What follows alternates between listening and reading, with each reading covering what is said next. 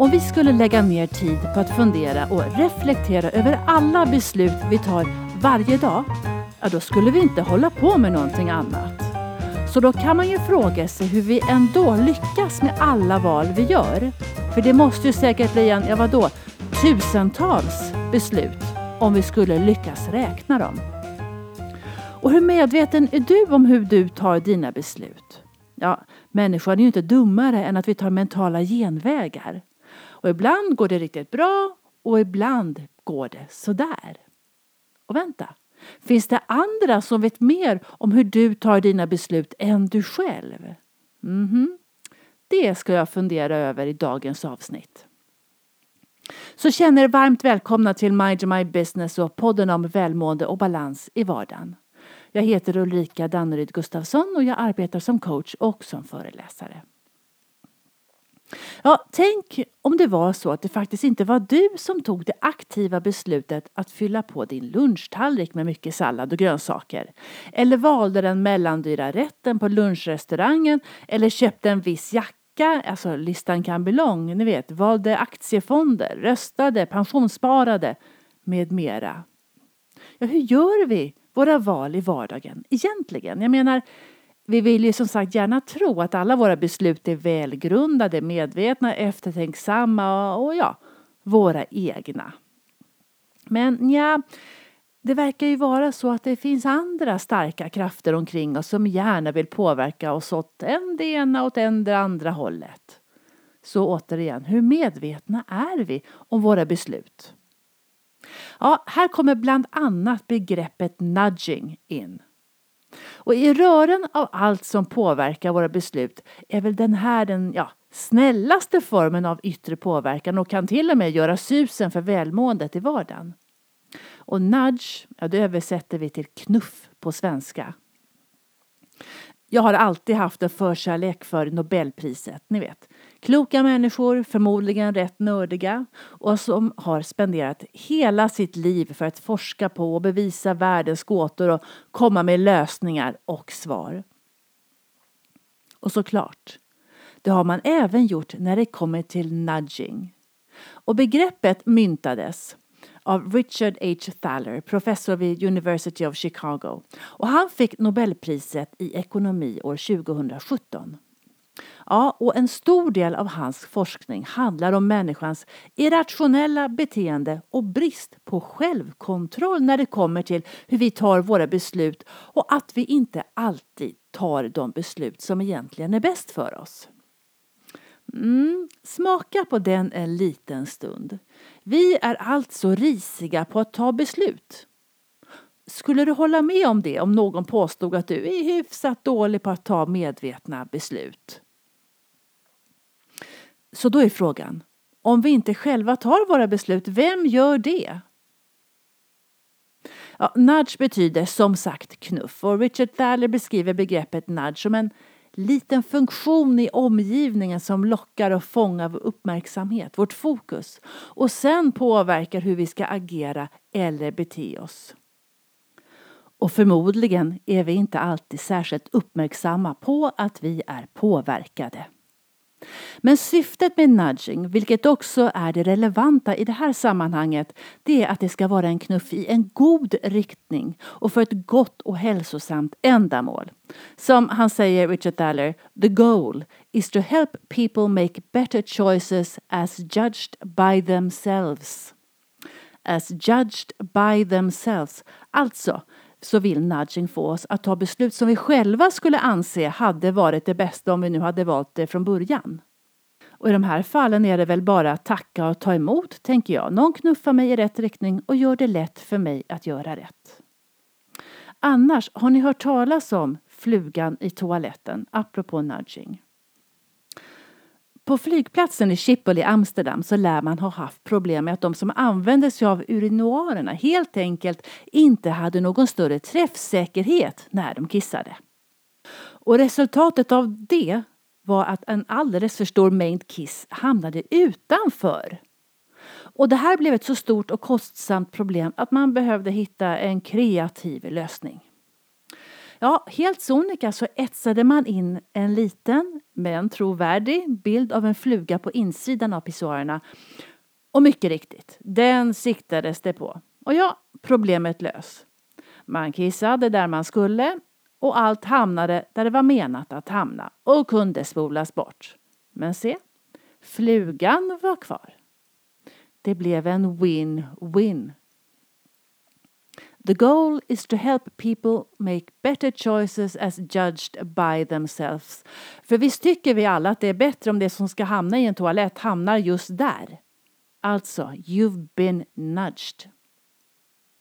Jaha, finns det några andra beslut månne som vi får hjälp med att ta?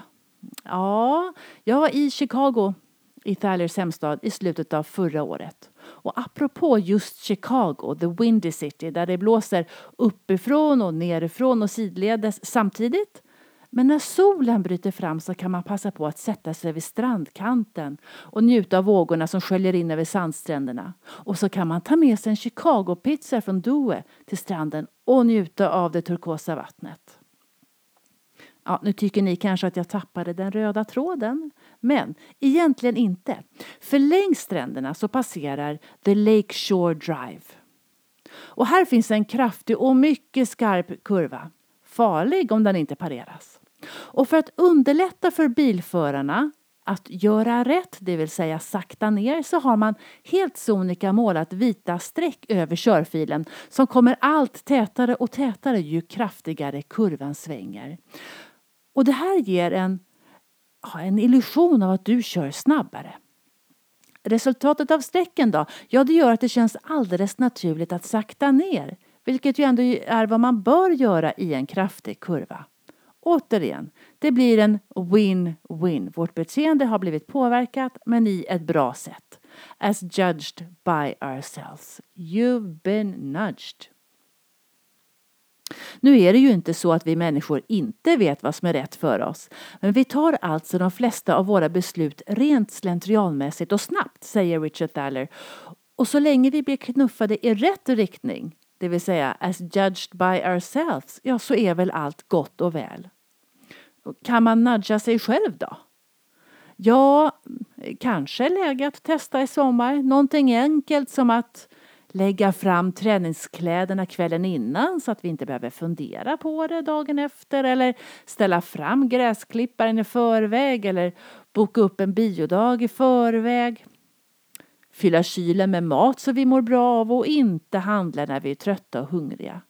Eller om du sitter på jobbet och vill ut i solen så boka bara in möten som är max 30 minuter.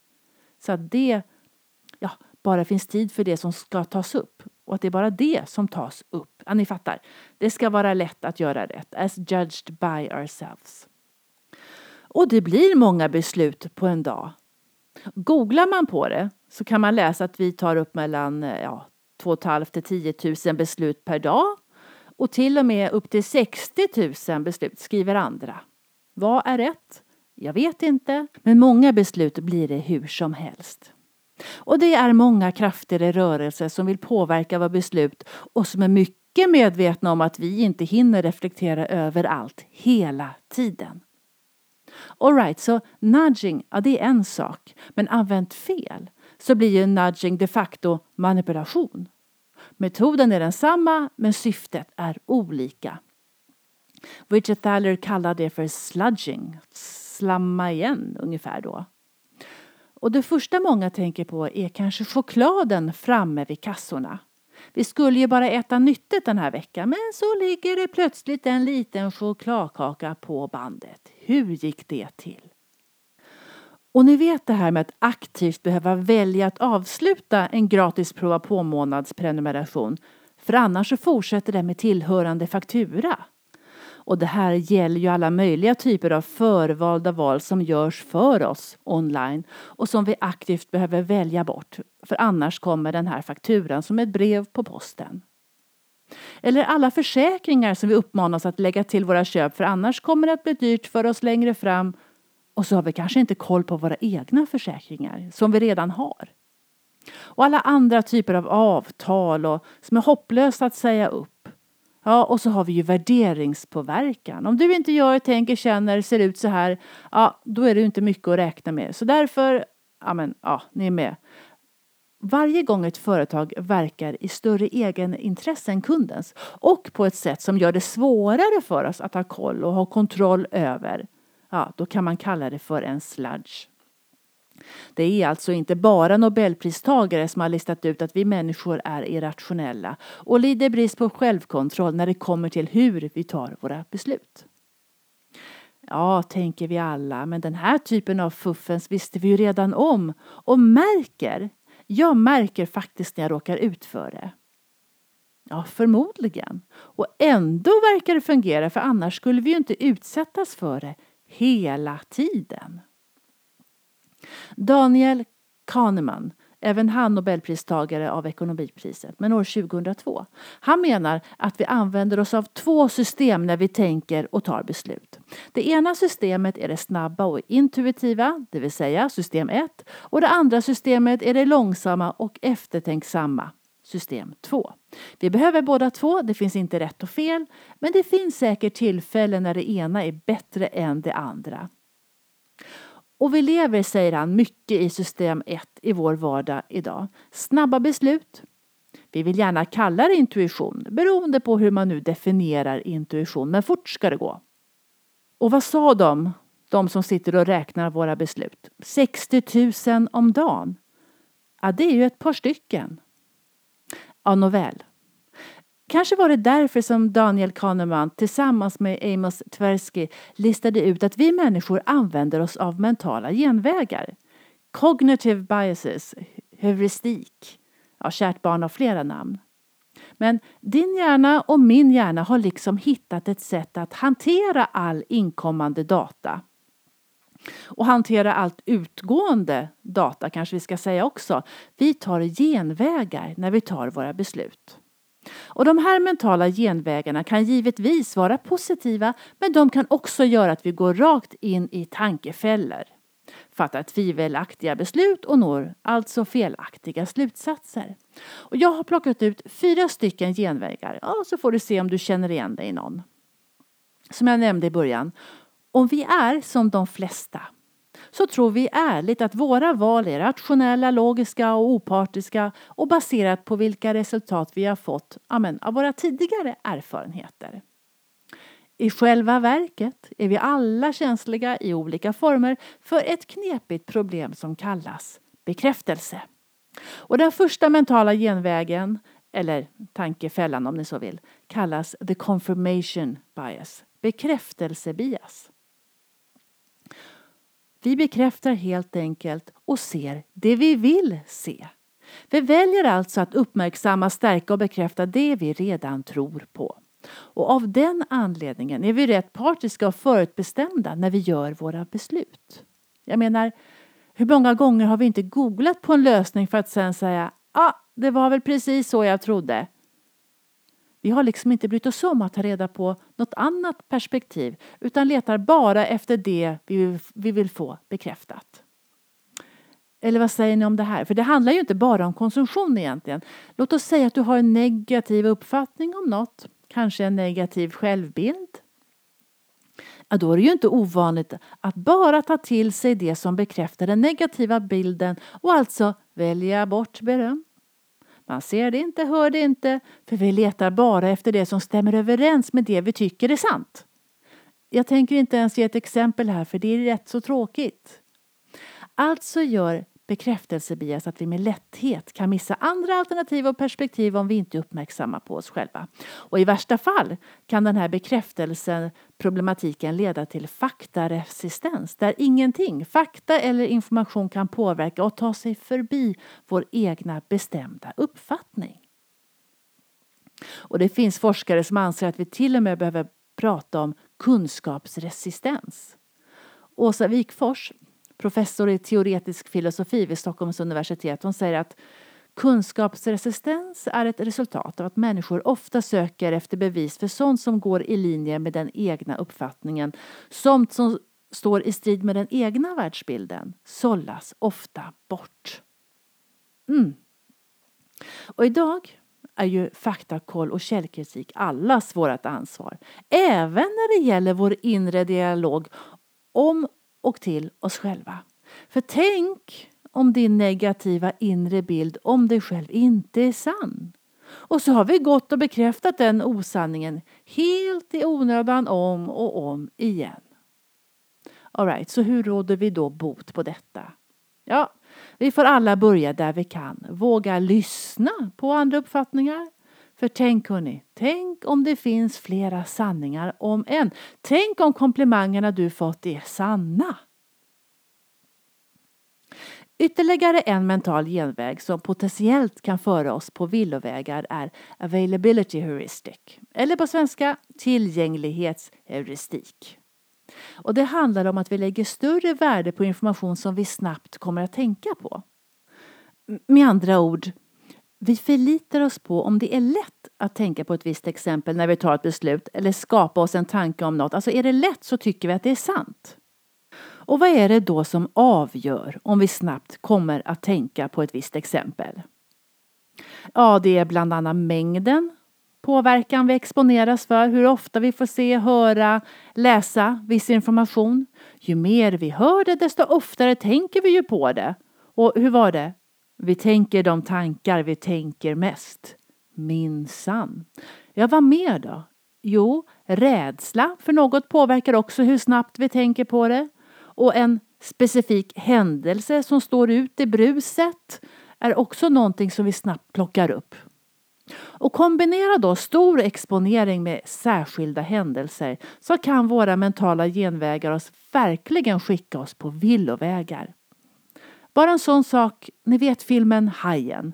Den hade premiär 1975.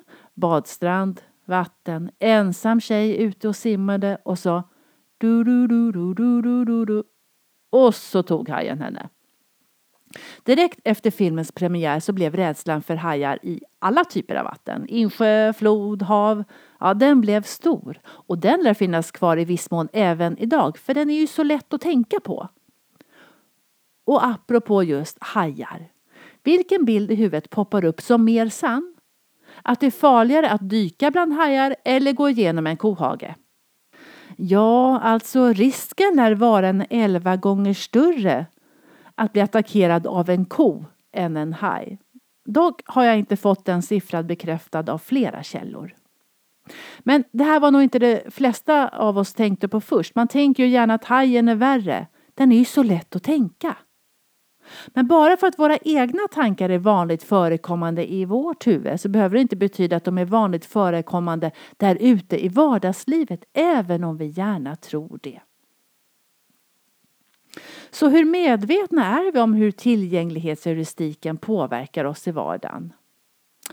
Ja, allt som som sagt skapar rädsla i oss talar direkt till vårt snabba system, system 1. Och det är lätt att tänka på vad vi är rädda för och inte bara det som händer i vår omvärld utan även i oss själva.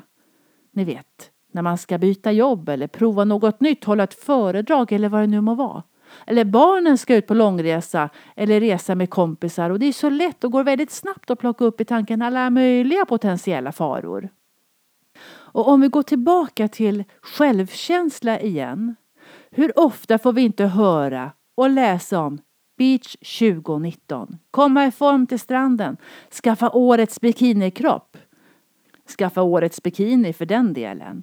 Alltså man blir påverkad vare sig man vill eller inte. Men alltså, så här tycker jag att vi gör med just det. Vi sätter upp lappar överallt där vi bor där det står Jag är skitsnygg, jag är superstark, jag är perfekt, jag är härlig. Ja, det är bara att gödsla med allt bra du kan komma på att tänka på. Och jag säger bara det, låt ingenting stoppa dig. Vart du än går så exponeras du av dina lappar överallt, hela tiden. Då blir det tillgänglighetsheuristik at its best. Kalla det medvetenhet eller vad? Den tredje genvägen är representativeness heuristic, ja, eller då representativitetsheuristik.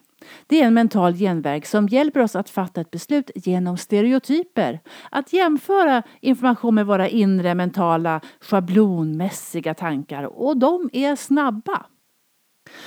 För de tankarna är ofta kvickare med att vara uppe på banan och ropa ut svaret innan vår inre reflektion och logik ens har hunnit dricka morgonkaffe.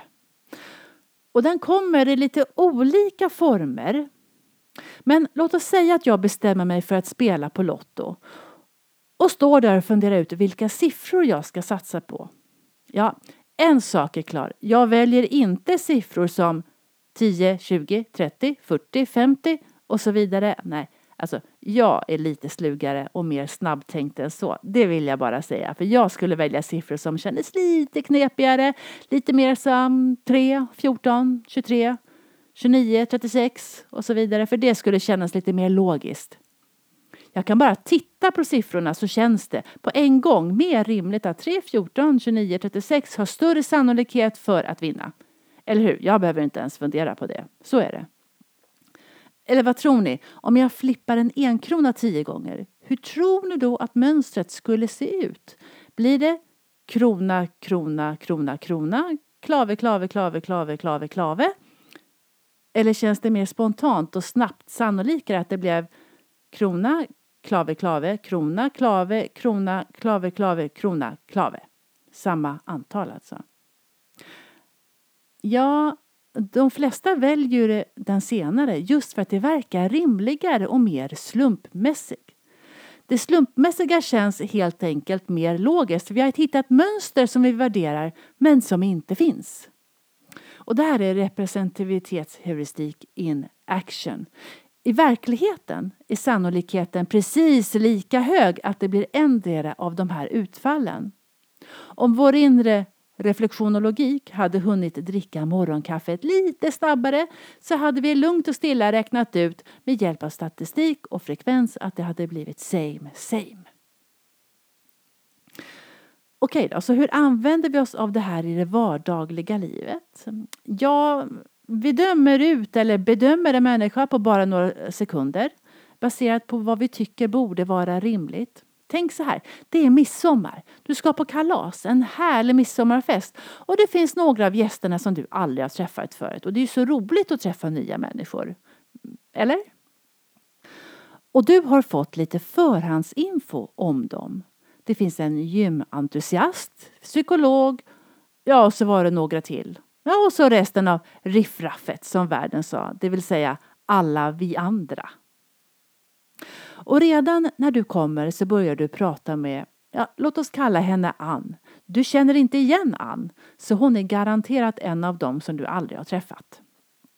Ann ser väldigt vältränad ut. Så utan större reflektion eller egentligen ingenting alls så känns det helt rimligt att det är hon som är gymentusiasten. Förmodligen har du också rätt. Och så var det det där med psykologen och alla de där andra. Ja, det är klart man vet, tänker du, hur en psykolog ser ut och beter sig. Eller hur var det nu med den saken? I alla fall så är det tid för den stora lunchen. Stillen är framdukad, flaggor och midsommarstänger lite var som, kransar i hår och, ja, och du hamnar vid två för dig helt okända personer. Personen framför känns lugn, empatisk och använder ett utbildat vokabulär. Och personen bredvid dig är snabb med snapsvisorna och oerhört utåtriktad och skjuter iväg lustiga kommentarer till alla runt bordet och ser till att stämningen är hög. Vem arbetar som psykolog? Vem är man? Vem är kvinna? Och nej, reflektion och logik har inte hunnit till bords än så det är ditt system 1 som håller hov. Så vad är mest sannolikt, rimligt och logiskt enligt dig? Vad säger din inre snabba sportskommentator? Ja, i verkligheten såklart och med den lilla info så kan det givetvis vara vem som helst. Det kanske inte ens är någon av dem som du tror. Är ni med? Men vår inre sportskommentator tycker sig se på studs ett logiskt mönster och ett representativt sammanhang. Och så tror vi att vi har rätt. Och det kan ju bli så väldigt fel. Så hur löser vi det här då? För vem har i ärlighetens namn tid att fundera över statistik och rimlighetsfrekvens minut för minut hela tiden varje dag? Ja, vi kan hålla oss medvetna om att vi gör så här, att vårt system 1 sysslar med det. Så kan vi ta ett djupt andetag, ta lite piano och njuta av kaffet till tårtan. Vi behöver inte ha alla svar på en gång. Och den fjärde och sista genvägen som jag tar upp här är the anchoring bias, förankringsbias. Och det är när vi i allt för hög grad förlitar oss på den första informationen som erbjuds när vi ska bestämma oss för något och ta ett beslut. Och så snart vi har ett så kallat ankare i huvudet mäter vi all information mot det. Det kan vara värderingar, det kan vara den första restaurangen du såg, det kan vara första mötet på nya arbetsplatsen, det kan vara nummer och siffror som vi såg först. Ungefär, något förenklat. Ditt barn behöver en ny jacka. Ni ska alltså köpa en ny jacka. Och den första jackan i affären som, ja, i det här fallet, din dotter säger vi, styr rakt emot är den dyra varianten. 6 000 kronor och vilken fin tycker hon. Ehm, men skulle inte tro det, säger du. Och så kommer personalen lite sådär härligt fram och berättar att åh, just den här jackan kan du fynda för tusen kronor. Men bara idag. Och det är nu det blir intressant. Det första ankaret som du mäter priset mot var 6 000 kronor. Och nu kan du fynda för 1000 bara idag. Som sagt, 6 000 kronor blir ankaret som vi mäter resten mot. Hade det bara stått 1000 kronor för jackan så hade effekten uteblivit. Köpa en jacka för 1000 kronor hade du tänkt, äh, nej. Ja, och så var det det där med ordet fynda. Hjärnan vill inte missa ett fynd. Och det är rätt intressant. Du hade inte tänkt spendera tusen kronor på en jacka innan men nu hamnade det liksom i ny dager och ja, så går ni därifrån med en påse. Så mm, lite uppmärksamhet är bra här. För den här typen av strategier smyger sig in lite var som helst. Men på lite olika nivåer såklart. Tänk på den härliga glassbaren till exempel nu i sommar. Dyraste glassen upp på menyn. Billigast längst ner. Ja, och den i mitten känns ju riktigt bra med tanke på ankaret. Det vill säga den dyraste glassen var ju galet dyr och stor. Som om ingen hade räknat ut det redan. Som om ingen bakom menyn hade styrt mig till det där mittemellan beslutet som jag nu tog. Va, tänker du? Det skulle jag aldrig gå på. Men okej då, så hur löser vi det här med ankare då? Ja, vi får helt enkelt sätta våra egna. Och det har visat sig i en studie att arbetssökande som själva föreslog lönen de hoppades på innan arbetsgivaren gav sitt förslag också fick högre lön än de som inväntade ett erbjudande. Och söker du inte jobb just i sommar så kan du kanske sätta andra egna ankare och varför inte prova alla glassar på menyn? Ja, hörni, avslutningsvis. Vad blev nu summa summarum av allt det här? Blev vi mer medvetna nu om hur vi tar våra beslut och vad det är som påverkar? För nudging handlar alltså om påverkan i en positiv riktning där det ska vara lätt att göra rätt och motsatsen, sludging, ja, att det ska vara svårare att göra rätt. Jaha, så det var ju bra att veta. Och mentala genvägar, de är fascinerande. De är kraftfulla, manipulativa och kan föra oss på villovägar och alla har vi dem. Och för att kunna ta bättre genomtänkta beslut så kanske vi behöver se igenom hur vi använder oss av system 1 och system 2. Det snabba kontra det reflekterande. Och de goda nyheterna är att nu när vi känner till allt det här och har uppdaterat oss själva om det och kanske vet lite mer om vad som faktiskt påverkar våra beslut så är vi just mer medvetna om det. Så även om andra har listat ut hur du tar dina beslut så har du det också. Och det du väl vet, det vet du. Och det kan inte göras omedvetet igen. Och den medvetenheten förändrar allt. Så Åh, vad vi ska vara medvetna i sommar. As judged by ourselves. Och glöm inte bort att njuta av kaffet och äta mycket glass. Så ett stort och varmt tack för att ni har lyssnat. Och tyckte ni om det? Lajka, dela och lyssna igen nästa gång. Men det blir efter sommaren och tills dess, ha det så bra. Hej!